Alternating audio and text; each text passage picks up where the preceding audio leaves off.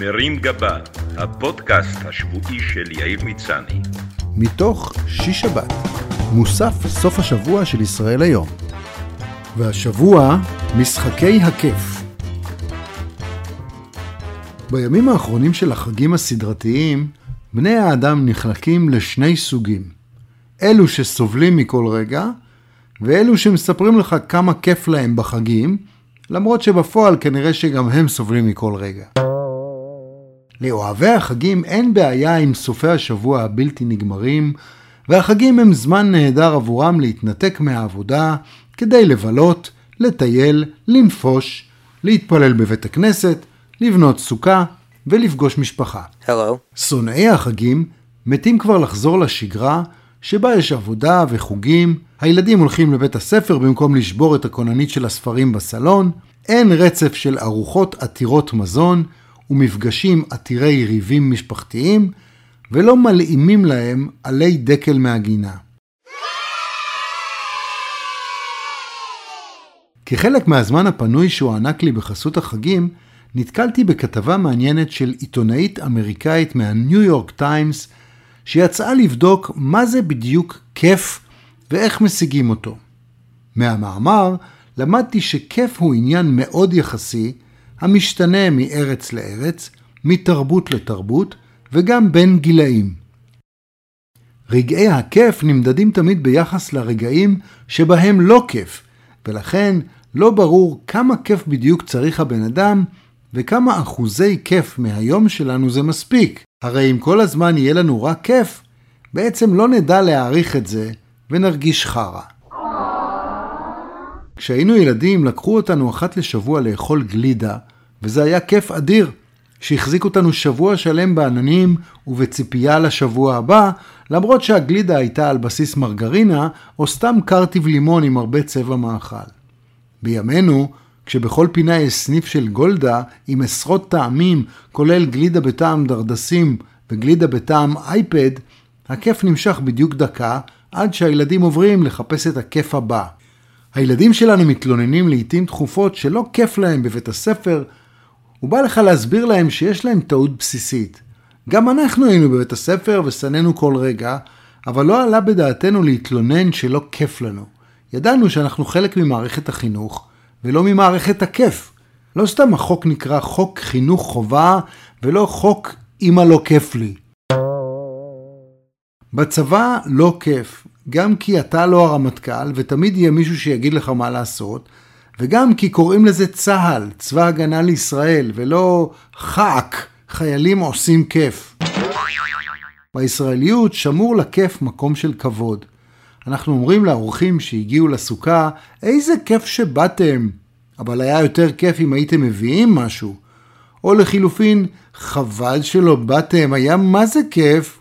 אני כבר שבוע גוזר ומדביק בכיף ניירות צבעוניים, ואוכל בצהריים בסוכה בחברת יונים. בון אפטי. בעבודה יש לנו ימי כיף, כי מה יותר כיף מלעשות קריוקי עם החבר'ה מהנהלת חשבונות? יש שייט כיף, חי כיף, כיף בעוטף, התמכרנו לממתק בשם כיף כיף, לשמפו מוי כיף, ויש אפילו את שיר בכיף. שיר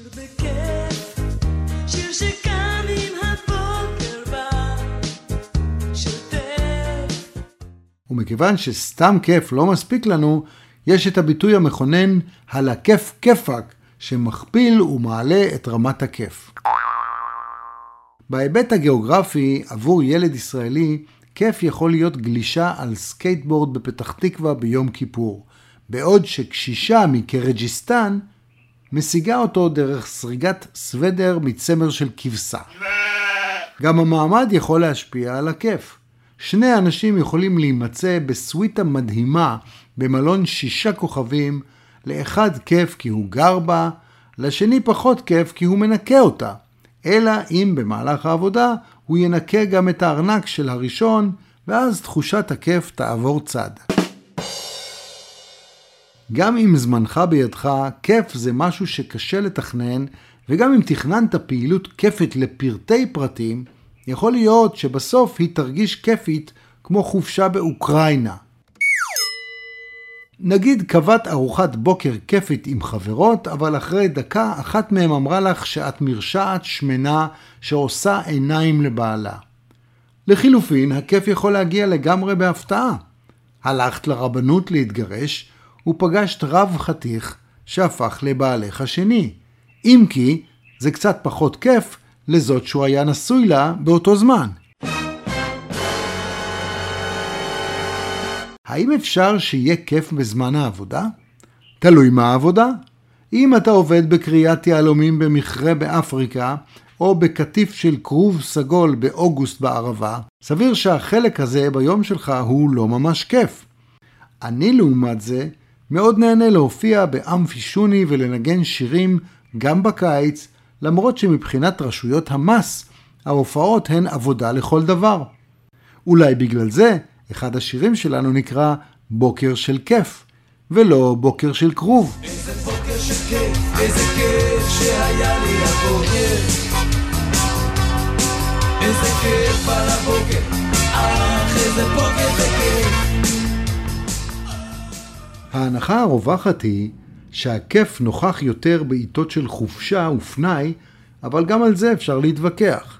כשהיינו ילדים, לא היה כיף גדול מלנסוע ברכב בלי מזגן לסחנה או לחוף הכנרת, לבשל על גזייה, לאכול תירס מקופסת שימורים ולישון באוהל על הרצפה עם להקת יתושים מסביב. זה באמת היה כיף ענק, אבל האם באמת אהבנו את זה? או שפשוט ההורים שלנו שיווקו לנו את זה ככיף אולטימטיבי בגלל שהם התקמצנו לנסוע למלון חמישה כוכבים באילת.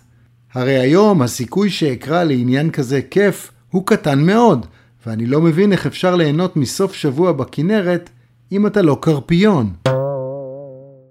נסיעה לחופשה בחו"ל נחשבת כיף, אם כי יש מי שיגידו שהתורים בשדה התעופה, הדוחק במטוס, התורים ביורו דיסני והתפקוד כנושא שקיות שופינג בחנויות בגדים ברחבי אירופה קרובים יותר להגדרה של סיוט, וזה עוד לפני ששמעת כמה היא עולה לך.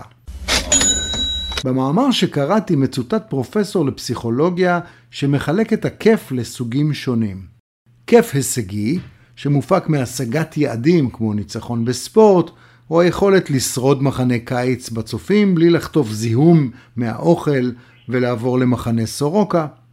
הכיף האקסטטי, שמופק מריקוד, נסיעה ברכבות הרים, או מצפייה בתחרויות ספורט אתגרי, שאני כבעל פחד גבהים ומשיכה לרביצה על ספות פחות מתחבר אליו.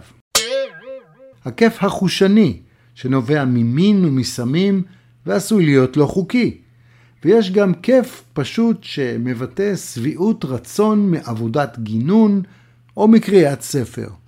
כמעט כל האירועים הכיפים משולבים באינטראקציה עם אנשים נוספים, מה שנשמע הגיוני, הרי מה כיף בלהיות בעלים של יכטה של 100 מטר בקריבים עם 20 אנשי צוות, אם בסוף אתה משתזף לבד בלי שיש לך למי להוציא את העיניים. אנשים תמיד מספרים לך על ההישגים שלהם, כי גם אם למשל רצת מרתון בקצב של שיא אולימפי ואף אחד לא שמע על זה, כאילו לא עשית כלום, ומבחינתך כבר היה עדיף להישאר בבית ולזלול עוגיות עבדי במיטה. גיל ושנתון הם מרכיבים חשובים בהבנת הכיף. בשביל ילדינו להעביר את כל היום בצפייה בטיק טוק על הספה בסלון זה כיף. אם אני הייתי שוכב כל היום ורואה טיק טוק, לא רק שלא היה לי כיף, הייתי חוטף כפכף בראש, ולילדות שלי לא היה מה לאכול. בצעירותנו היה נורא כיף לעצור בשתיים בלילה בשווארמה חיפאית מהוללת ולתקוע מנה או שתיים כולל צ'יפס וטחינה בלאפה. היום הכיף הזה יעלה לי בליל צרבת ללא שינה במקרה הטוב, ובבוקר של כיף במיון של רמב"ם במקרה הסביר. עניין המינון מתאים גם לחייל שיוצא פעם בשלושה שבועות הביתה. עבורו ההגעה הביתה היא תענוג אדיר שכולל פינוקים כמו מקלחת טובה ואוכל של בית שאינו כולל רולדת עוף. ואילו לג'ובניק שכל לילה ישן בבית, זה סתם עוד ערב שבו הוא שוכב על הספה ומשחק אקסבוקס. אם מינון הוא הסוד, ויותר מדי זה בכלל לא כיף, אז כנראה שאפילו יו הפנר, ממציא הפלייבוי, שהתגורר באיזו אחוזה עם כמה עשרות דוגמניות, לא היה כזה כיף.